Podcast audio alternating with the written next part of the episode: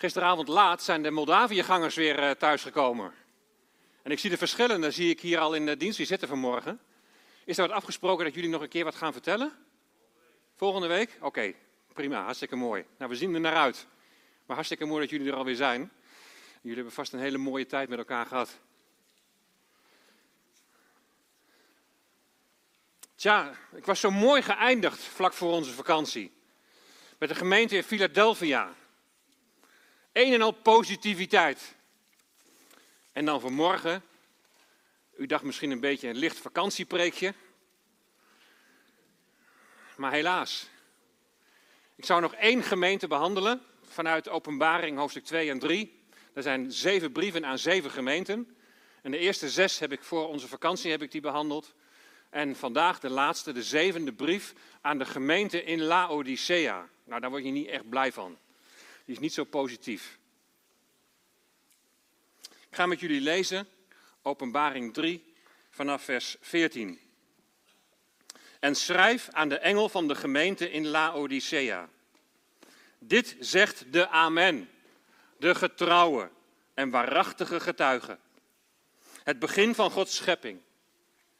Ik ken uw werken en weet dat u niet koud en niet heet bent. Was u maar koud of heet. Maar omdat u lauw bent en niet koud en ook niet heet, zal ik u uit mijn mond spuwen. Want u zegt, ik ben rijk en steeds rijker geworden. En ik heb aan niets gebrek. Maar u weet niet dat juist u ellendig, beklagenswaardig, arm, blind en naakt bent. Ik raad u aan dat u van mij goud koopt, gelouterd door het vuur, opdat u rijk wordt.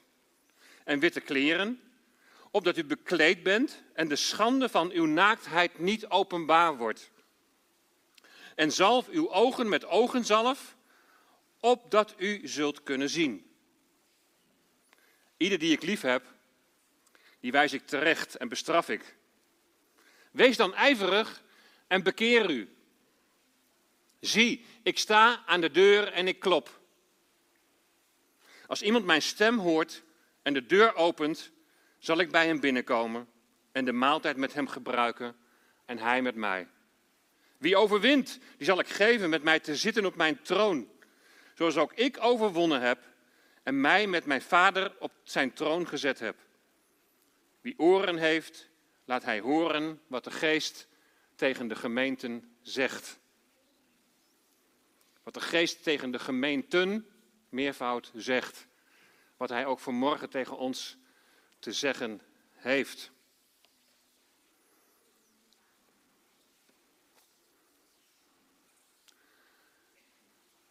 Bij alle andere brieven, die andere zes brieven die ik tot nu toe behandeld heb, kwam steeds weer die opmerking terug dat we, wat deze, wat deze brieven betreft, dat we onszelf een spiegel voor moeten houden. Kijk in de spiegel. In hoeverre is datgene wat geschreven is in die brieven, in hoeverre is dat herkenbaar voor jou en mij persoonlijk, maar ook in hoeverre is er iets herkenbaar wat ons leven betreft samen zo in de gemeente. dit zijn brieven die je zouden moeten aanzetten tot, tot zelfonderzoek. Kijk in de spiegel. In hoeverre is de persoon van de Heer Jezus Christus jouw geestelijk leven? In hoeverre is Hij jouw leven? Want wat Jezus eigenlijk doet in deze brieven is voortdurend onderzoeken in hoeverre Hij iets van zichzelf in de gemeente kan terugvinden. Jezus is liefde. Nou, de, de gemeente in Efeze is liefdeloos. Ze hebben hun eerste liefde verlaten. De Heer Jezus heeft geleden. Smyrna, die tweede gemeente, was de leidende gemeente. Maar dat was een gemeente, daar was verder niks op aan te merken. De Heer Jezus is heilig, hij is zonder zonde. Maar Pergamus is de, is de wereldse gemeente. Daar is sprake van wereldgelijkvormigheid. Daar is sprake van vermenging. De Heer Jezus is toegewijd aan zijn Vader en hij zegt: Ik ben zachtmoedig en ik ben nederig van hart. Maar Thyatira is de overspelige gemeente. Ze hebben de geest van Izebel, een geest van macht, van rebellie, van strijd, van toverij en onreinheid. De Heer Jezus die is echt. Hij is oprecht. En Sardes is de, is de huigelachtige gemeente. Ze zijn niet echt. Ze denken een levende gemeente te zijn, maar in wezen zijn ze zo dood als een pier. De Heer Jezus leeft in gemeenschap met de Vader. En de Heer Jezus, Hij is het evangelie. Hij is het goede nieuws. En Philadelphia is een trouwe gemeente waar de geopende deur hen brengt aan de voeten van de Vader. En van daaruit gaat de deur open voor het evangelie en verspreiden ze dat. Maar dan nu de zevende gemeente Laodicea. Een treurig slot. Een trotse gemeente. Ze zijn niet koud, ze zijn niet heet, maar ze zijn lauw. Ik kan me nog een tv-uitzending van de EO herinneren, jaren geleden, waarin Peter Schelen aanwezig was op een EO-familiedag. Nou, dat is al heel lang geleden. Misschien wel 30 jaar geleden of iets korter nog, maar... En Peter Schelen die verzorgde, in, in het verleden verzorgde hij programma's en dat programma heette dan ook Peter. En op een prikkelende manier wist hij mensen aan het denken te zetten. Hij was dus op die EO-familiedag en hij stond daar in de hal, stond hij daar met een stand. En hij liet mensen koffie proeven. En het merk van die koffie was Lauwe Egberts. Nou, je begrijpt het al, de koffie was dus lauw en was absoluut niet om te drinken. En na het drinken van die koffie liet hij de mensen zelf, openbaring 3, het gedeelte wat we net hebben gelezen, liet hij de mensen zelf lezen. Dus de mensen werd een spiegel voorgehouden. Kijk in de spiegel. Nou, dat werkt natuurlijk wel met zo'n voorbeeld. Ik heb het vanmorgen nog even overwogen met die lauwe koffie, maar. Weet je, iets wat lauw is, dat, smaakt niet lekker. En dan heb je de neiging inderdaad toch om het uit te spugen. Het is smerig, het is, het is vies. En wees eerlijk, als je in zo'n hal loopt op weg naar de EO familiedag, dan verwacht je niet zoiets. En doordat je het niet verwacht, doordat je het niet verwacht, heb je helemaal de neiging van, pff, weg ermee. Omdat jullie lauw zijn, zegt Jezus tegen de gemeente in Laodicea, zal ik jullie uit mijn mond spuwen. Hij spuugt de koffie niet uit, maar hij spuugt de gelovigen want deze brief is aan gelovigen geschreven. Hij, hij, hij spuugt de gelovigen van Laodicea uit. Nou, het kan vanuit het Grieks kan het nog sterker worden vertaald. En dan komt het misschien een beetje plat over, maar dat is wel wat er letterlijk staat. Er staat namelijk: Ik kots jullie uit. Nou, je wilt toch niet dat dit van jou of van de gemeente wordt gezegd? Hoe komt de Heer Jezus zo ver had je trouwens dat beeld van de Heer Jezus dat hij dat zou kunnen zeggen tegen gelovigen? Hoe komt het nou zover dat de Heer Jezus dit zegt tegen de gemeente in Laodicea? Wat is daar aan de hand? Waar moeten wij voor oppassen? Waar moeten we ons verre van houden? Kijk in de spiegel. Nou, net als in de andere zes brieven presenteert de Heer Jezus zich met een paar woorden vanuit zijn uitgebreide presentatie in hoofdstuk 1. En hier lezen we, dit zegt de Amen. De getrouwe en waarachtige getuige. Het begin van Gods schepping. Drie dingen worden er van de Heer Jezus gezegd. De Amen is Hij. Hij is de getrouwe en waarachtige getuige. En Hij is het begin van Gods schepping. Nou, in de vorige brieven hebben we gezien dat de manier waarop de Heer Jezus wordt gepresenteerd, dat dit iets zegt over de gemeente waaraan geschreven wordt. Nou, wat hebben deze drie aspecten nou te maken met de gemeente in, in uh, Laodicea? Helemaal niets. Juist het tegenovergestelde zien we in de gemeente in Laodicea. Want Jezus is de Amen.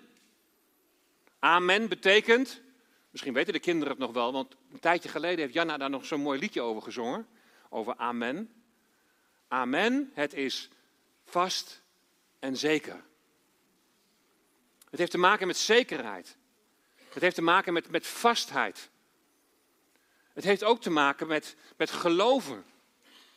Waar het eigenlijk op neerkomt is dat met amen wordt gezegd dat de Heer Jezus het voorwerp van je geloof is.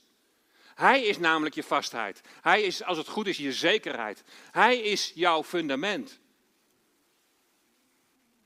Maar hier in Laodicea staat de Heer Jezus buiten. En hij klopt op de deur. Hij klopt op de deur van een gemeente. De gemeente in Laodicea. Mag ik alsjeblieft binnenkomen? De Heer Jezus is op de achtergrond geraakt. Hij is zelfs buiten de deur gezet. En dit is dus de gemeente in Laodicea. Nou, het is ronduit schokkend. Ten tweede, Jezus is de getrouwe en waarachtige getuige. Hij getuigt van zijn Vader. De Heer Jezus is de vertaling van wie de Vader is. Hij weerspiegelt hem op volmaakte wijze. Hij heeft gezegd, wie mij gezien heeft, die heeft de Vader gezien. De Heer Jezus is trouw. Hij is gehoorzaam aan zijn Vader. Hij doet wat zijn Vader hem opgedragen heeft. Maar dit zijn allemaal dingen die kan van de gemeente in Laodicea absoluut niet worden gezegd. Ze zijn geen weerspiegeling van de Heer Jezus. Jezus die vindt weinig tot niets van hemzelf terug in de gemeente. En dan het derde aspect. De Heer Jezus is het begin van Gods schepping. Maar wat wordt hiermee gezegd? Als je dit zo hoort, dan kun je in ieder geval zeggen, hij was er altijd al en hij zal er altijd zijn. In Colossense 1, vers 15 staat dat hij de eerstgeborene van de schepping is. Dat betekent niet zoals de Jehovah-getuigen dat zeggen, dat hij geschapen is. Nee, hier betekent eerstgeborene dat hij het beginsel, dat hij de oorsprong van de schepping is. Hij is de schepper. De zoon is de schepper. Jezus Christus, de Zoon, in wie de schepping haar oorsprong genomen heeft. En de Heer Jezus is, is de bestaansreden van alles dat bestaat. Door Hem bestaan we, door Hem leven we, door Hem bewegen we. Hoe kun je Hem dan buitensluiten? Wat er dan gebeurt is dat het leven uit de gemeente weggetrokken wordt. Als Jezus op de achtergrond raakt, dan moeten alle alarmbellen gaan rinkelen. Het is natuurlijk de vraag hoe hij dan op de achtergrond raakt. En zijn naam kan op de achtergrond raken. Het noemen van zijn naam in de prediking, in de liederen die we zingen. Zijn naam in de gebeden. Maar er is nog iets anders aan de hand dat, dat veel verder nog gaat dan alleen het niet noemen van zijn naam. En dat zit verborgen in de naam Laodicea. Laos betekent volk en Dicea betekent spreekt en oordeel. Dus het volk spreekt en het volk oordeelt. Dat betekent het volk heeft het voor het zeggen. Niet de Heere God, nee, niet de Heere Jezus, maar het volk. De gemeente bepaalt, bepaalt zelf wel wat goed en wat niet goed is. Ze nemen het heft in eigen handen. En de Heer Jezus wordt de mond gesnoerd. En ze denken heel wat van zichzelf. Ze zijn een trotse gemeente. Kijk in de spiegel. En ze slaan zich als het ware op de borst. Ik ben rijk. En steeds rijker geworden. We hebben aan niets gebrek. Ja, Laodicea lag aan een handelsroute en er werd goed geld verdiend. En Laodicea was een rijke stad, aan niets gebrek, veel bezit. Maar hoe zit het met het geestelijk leven? Het is een schijnrijkdom in Laodicea. Materieel rijk, maar geestelijk arm. Nou, de jongeren hebben in Moldavië vast het tegenovergestelde gezien. Materiële armoede, maar bij de gelovigen vaak geestelijke rijkdom. Materieel arm, maar geestelijk rijk. Nou, we hebben gezien, de beoordeling van deze gemeente is niet al te best. Ik ken uw werken. En bij al die andere brieven, dan volgen er toch nog even wat positieve dingen, maar hier wordt helemaal niks genoemd. Wat zou de Heer Jezus dan, dan met die werken bedoelen? Van ik ken uw werken.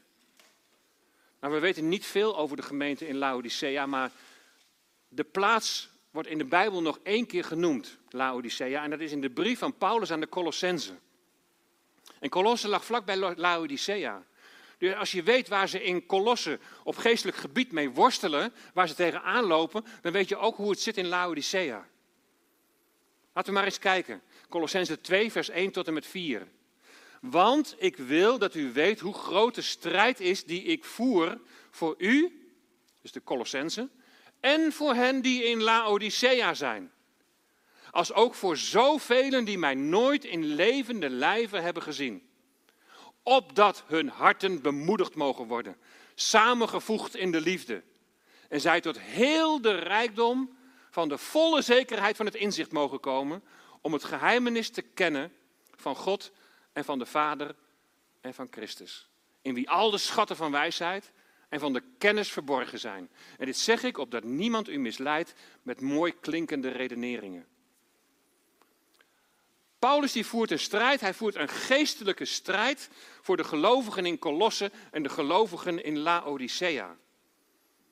En wat je goed moet begrijpen om, om, om te begrijpen van waarom Paulus nou juist deze woorden in dit Bijbelgedeelte gebruikt, moet je een beetje weten van wat daar speelt. Namelijk dat de gnostiek, dat is een, een of andere geestelijke stroming, dat die gnostiek in Colosse en Laodicea een hele grote plaats heeft gekregen. En kenmerken van gnostiek is dat het gaat om je geest. En dat je lichaam van ondergeschikt belang is. Dus het maakt ook helemaal niet uit wat je met je lichaam doet. Het gaat namelijk alleen maar om het geestelijke, om je geest. Seksuele onreinheid is dan helemaal geen probleem. Maar het gaat immers niet helemaal niet om jouw lichaam. In transitie gaan van man naar vrouw of andersom is dan helemaal geen probleem, want het gaat helemaal niet om jouw lichaam. Daar mag je mee doen wat je wil. Ga je gang. Dat is gnostiek. Gnostiek is een vorm van religiositeit die toegang geeft tot een hogere geestelijke wereld. Er is plaats voor allerlei geestelijke religieuze ervaringen, voor engelenverering, maar zonder enig bijbels kader. De werkingen en de uitingen waarvan ze denken dat ze van de Heilige Geest zijn, die worden helemaal niet aan de Bijbel getoetst. Er wordt bij de gnostiek ook niet gedacht in echt of onecht, in waarheid of leugen, goed of kwaad. Dat is alleen maar lastig. Als je het daarover gaat hebben, hè, dan kan er alleen maar strijd ontstaan, er komt alleen maar ellende van. Niet zo moeilijk doen, het gaat alleen om je geest en het gaat niet om je lichaam. Ga je gang. Doe alsjeblieft niet zo moeilijk en bemoei je helemaal niet met mij. Het volk spreekt en het volk oordeelt Laodicea. En ze hebben God daarbij niet nodig. Nou, herken je daarvan iets in de tijd waarin wij nu leven? Kijk in de spiegel. En dan wordt er gezegd ja, dat er geen absolute waarheid meer is. Maar dat is, dat is al een tegenstrijdigheid in zichzelf. Als jij zegt dat er geen waarheid meer is, dan is dat jouw waarheid. Er wordt vaak nog wel gebruik gemaakt van een religieus sausje, maar je, je komt in een schijnwereld terecht. En vanwege die gnostiek ligt in deze vier versen van Colossense 2 zo nadruk op de Vader en nadruk op de persoon van Jezus Christus. Wat Paulus hier duidelijk wil maken is dat je de schatten van wijsheid niet vindt in religieuze ervaringen, in engelenverering zonder Bijbels kader. Want natuurlijk kunnen er wel ervaringen zijn, maar hier gaat het erom dat, dat ze helemaal niet meer getoetst worden aan de Bijbel, maar dat je die schatten van wijsheid vindt in Jezus Christus alleen. In de gnostiek is vaak sprake van mooi klinkende redeneringen, van filosofische hoogstandjes. Maar daar moet je je niet door laten misleiden. Wij zijn, wij zijn een paar zondagen in verschillende gemeenten geweest en onderweg dan, dan luisterden we naar groot nieuwsradio. En wat een verschil in de overdenkingen die daar naar ons toe kwamen. Bij de ene overdenking, we dachten, ja, mooi filosoof, hoogstandje. Maar de Heer Jezus is totaal buiten beeld. En de, en de volgende zondag, ah, dan, dan, dan, dan veerde je hart weer op. Dan denk je, ah ja, de Heer Jezus krijgt de eer en Hij staat centraal. De Heer Jezus raakt uit beeld in de gemeente in Laodicea. Ze denken rijk te zijn, maar die rijkdom hebben ze niet in Christus. Ze hebben hem de mond gesnoerd. Ze zijn niet koud, ze zijn niet heet, maar ze zijn lauw. En de Heer Jezus die walgt ervan. Hij kotst ze uit. Laodicensen weten precies waarom koud, heet en lauw als voorbeeld worden genomen. Laodicea ligt in een dal. En vlak daarbij liggen de plaatsen Colosse en Hierapolis. En Colosse die beschikt over frisse, koude waterbronnen. En Hierapolis die, die beschikt over hete, geneeskrachtige bronnen.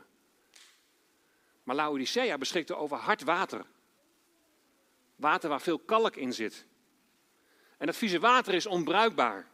En om dat op te lossen hebben ze een aquaduct gebouwd om het water uit die geneeskrachtige bronnen van Hierapolis naar Laodicea te laten stromen.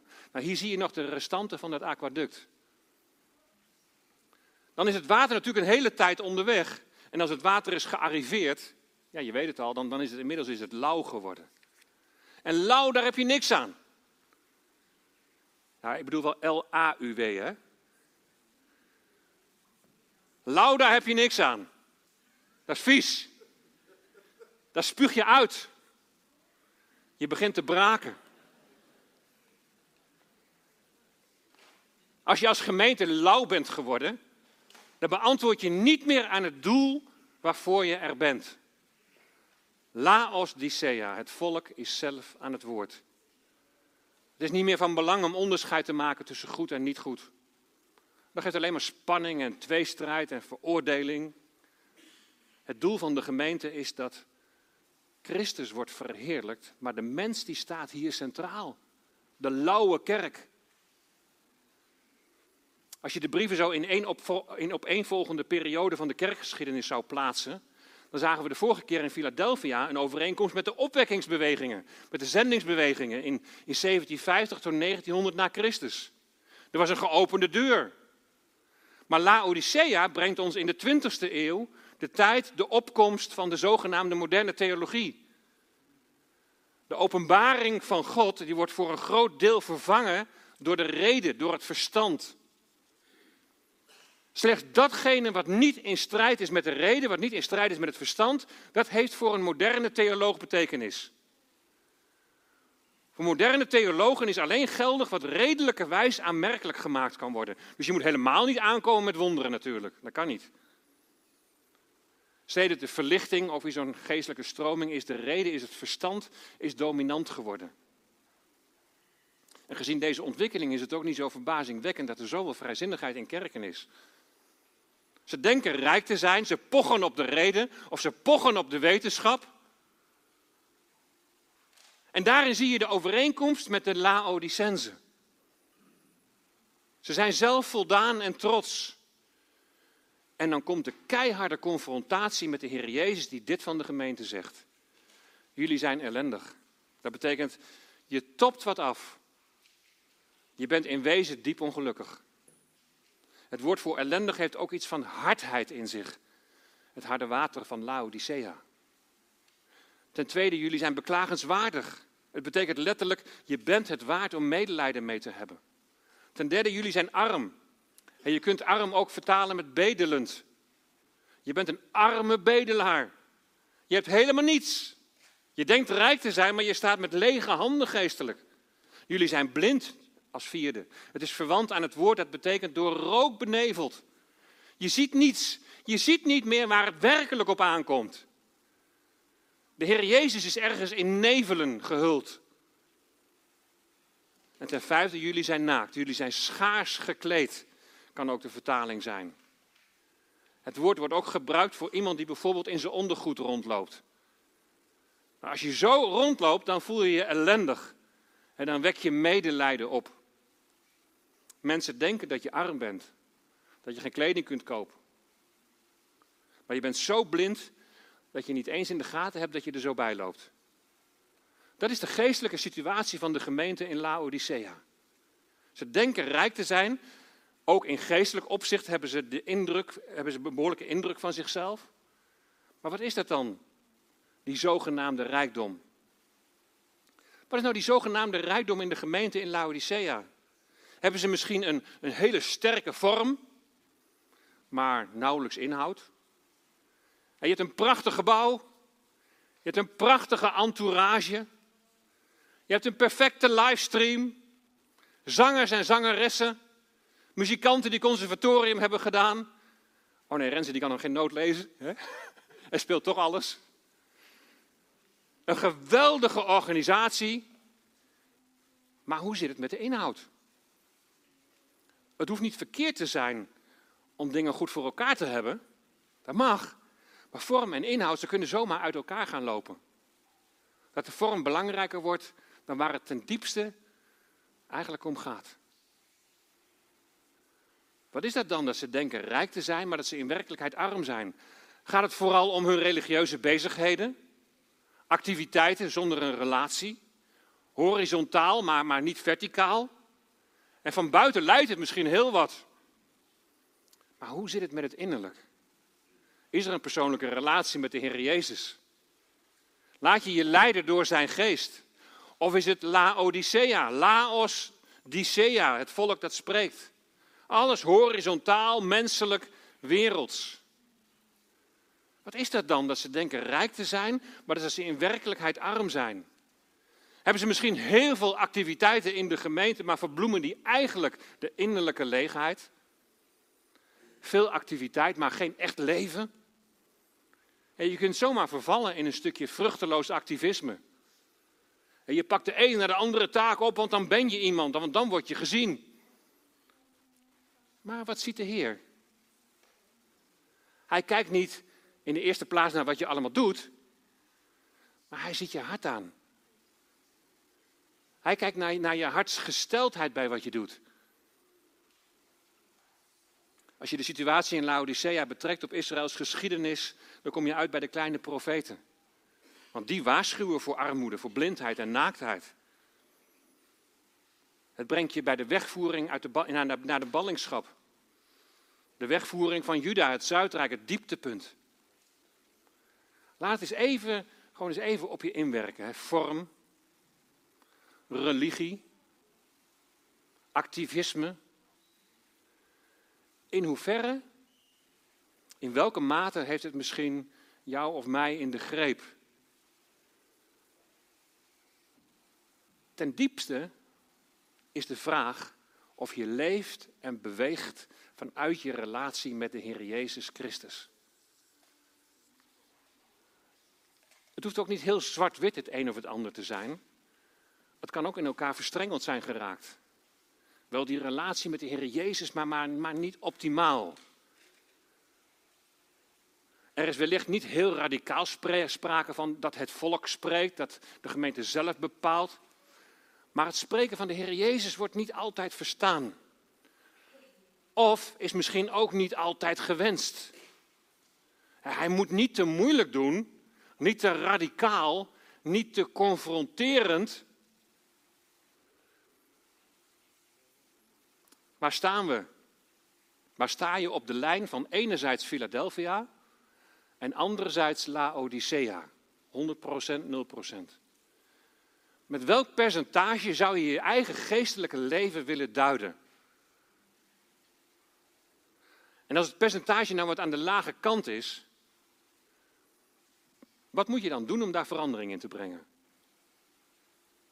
Nou, de Heer Jezus geeft het volgende advies. Ik raad u aan dat u van mij goud koopt, gelouterd door het vuur, opdat u rijk wordt. En witte kleren, opdat u bekleed bent, en de schande van uw naaktheid niet openbaar wordt. En zalf uw ogen met ogenzalf, opdat u zult kunnen zien. Als je arm bent, moet je goud kopen. Als je naakt bent, moet je witte kleren aantrekken. En als je blind bent, moet je je ogen zalven met, oliezalf, met ogenzalf. Als je maar iets bespeurt bij jezelf van geestelijke armoede, dat je zegt, er zou toch eigenlijk iets moeten veranderen op dat gebied, dan is dit het medicijn dat de drie aspecten van de ziekte bestrijdt. Armoede, naaktheid en blindheid. Ten eerste, koop goud bij de Heer Jezus. Goud gelouterd door het vuur. Waar de Heer Jezus hiermee de nadruk op legt, is dat je bij Hem moet zijn om geestelijke rijkdom te ontvangen. In 1 Petrus 1 wordt over verzoeking en beproeving gesproken in je leven. Misschien is er wel iets in je leven hè, dat, dat je weghoudt bij die eenvoudige, loutere toewijding aan God. En je gelooft de theorie nog wel, maar je geloof kenmerkt zich niet meer echt door vertrouwen of door afhankelijkheid. En ik merk dat er mensen zijn die ook na, na, met name bijvoorbeeld die coronaperiode daarmee worstelen. Die misschien juist in die periode wel aan het denken zijn gezet. Wat geloof ik nou eigenlijk? Waar sta ik eigenlijk? Hoe is mijn relatie met de Heer Jezus? Dat gebrekkige geloof, dat vertrouwen, die afhankelijkheid die mist, die moet dus in het vuur worden geworpen. Om gelouterd te worden zoals goud in het vuur wordt gelouterd. Als je geloof nou op dit moment wordt beproefd, gooi het in het vuur. Geef het aan God terug om het te laten louteren. Kom bij de Heer Jezus en zeg: Heer, hier ben ik als een levend, heilig, gode, welgevallig offer. Ik koop goud bij u, Heer Jezus. Ik wil dat pure, ik wil dat zuivere geloof. Dat volle vertrouwen, dat wil ik weer terug. Heer, beproef mijn geloof. Opdat het mag blijken te zijn tot lof en eer en heerlijkheid bij de openbaring van Jezus Christus. Kijk in de spiegel. Fokker haalde het zo mooi aan, die, die, die, die maand van voorbereiding, Elul. Een, een maand van verootmoediging. Je voor God verootmoedigen en heel eerlijk in de spiegel kijken. Waar sta ik nou eigenlijk? En waar, en waar wil ik naartoe? Door het geloof en door de Heer Jezus na te volgen en Hem te vertrouwen, ben je met Hem bekleed. Als je daarvan afwijkt, dan loop je rond als iemand die schaars gekleed is. Het is, het is toch een schande als je daar buiten een beetje rondloopt in je onderbroek. Koop witte kleren, de kleur van reinheid, van zuiverheid, van overwinning. Laat je positie in Christus in overeenstemming zijn met je wandel. Laat daar evenwicht zijn. Wat je positie betreft, ja, je draagt witte kleren. De kleren van het heil, met Christus bekleed. En wat je positie betreft is het, is het 100%. En Joop die heeft daar nog over gesproken, over de identiteit, onze identiteit in Christus. Zo geweldig. Maar wat je wandel betreft, kun je als een naakte rondwandelen. Als jij het voor het zeggen hebt. Als jij het voor het zeggen wilt hebben. En je niet luistert naar wat Jezus zegt. Als je blind bent. En deze brief is gelovig, aan gelovigen geschreven. Als je blind bent voor wie Jezus is. Als je blind bent voor Gods plan met deze schepping. Als je blind bent voor wat God te zeggen heeft in jouw leven. Als je vindt dat jij het voor het zeggen hebt in, in jouw leven. Laos, het volk, Dicea spreekt. Het volk, de mens spreekt en bepaalt. Als je blind bent voor hoe God jouw leven heeft bedoeld, koop dan ogenzalf. Nou, ogenzalf werd in Laodicea geproduceerd en er werd veel geld mee verdiend. Geld, bezit, materiële rijkdom, het kan je allemaal weghouden van je geestelijke rijkdom in Christus als je niet oppast. Koop ogenzalf. En de ogenzalf die Jezus aanbiedt is niet met geld te betalen. Weet je, zalf is het beeld van de Heilige Geest. Wat je nodig hebt is de geest van wijsheid en van openbaring om God te kennen. Om de Heer Jezus Christus te kennen. De geest wil je in een vertrouwelijke omgang brengen met de Heer Jezus. Paulus die schrijft aan de gemeente in Efeze: Ik bid om verlichte ogen van uw verstand. Verlichte ogen van uw verstand. Zodat u zult zien tot welke heerlijke toekomst u geroepen bent. Dan zult u weten wat een geweldige rijkdom God voor al zijn kinderen heeft klaarliggen. Heeft de Heilige Geest in jouw leven ruimte om te spreken? Heeft Hij ruimte om jou te leiden? Hoe is jouw relatie met God? Hoe is jouw relatie met de Heer Jezus Christus? Heeft Hij het voor het zeggen in jouw leven? Heeft Hij het laatste woord? Toen ik deze brief aan Laodicea voor het eerst las, heb ik het eerste gedeelte van vers 19 onderstreept. Dat was het eerste wat voor mij eruit sprong. Ieder die ik lief heb, wijs ik terecht en bestraf ik. Wat is jouw beeld van God? Wat is jouw beeld van de Heer Jezus? Liefde? Ja, uiteraard. Maar hier staat ook, ieder die ik lief heb, het gevolg daarvan is, die, die wijs ik terecht en die bestraf ik. Niet alles maar tolereren en het gevoel van de mens leidend laten zijn. Ik ben wat ik voel, dat is de tijd waarin wij leven.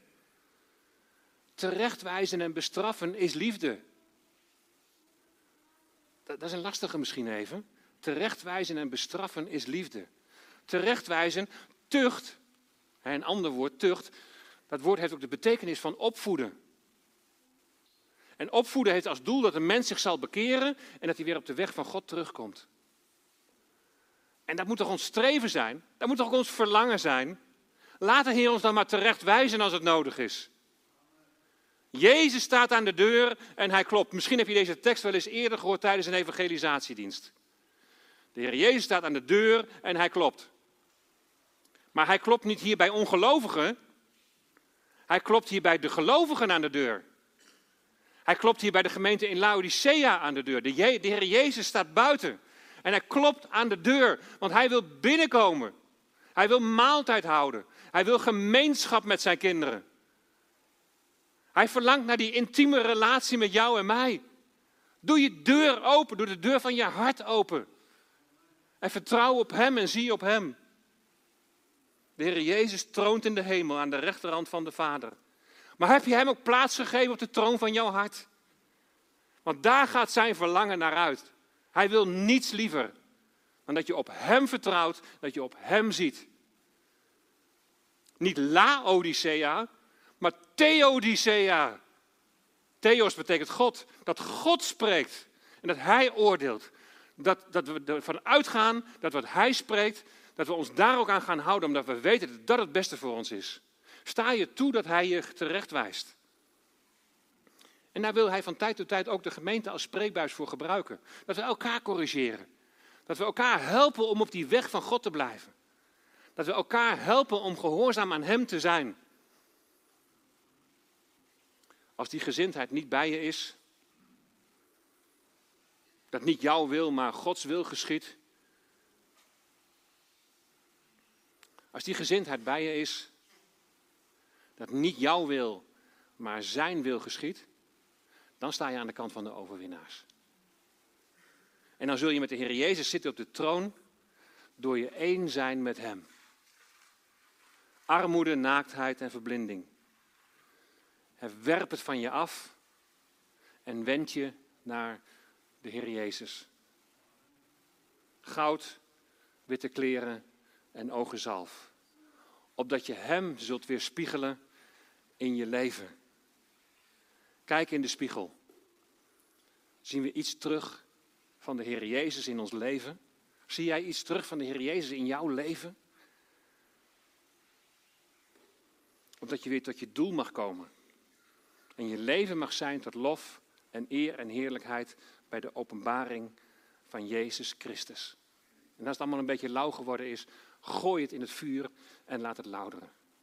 Dwars door het vuur maakt u mij rein en puur. Ik strek mij uit, Jezus, naar meer van uw geest en uw heiligheid.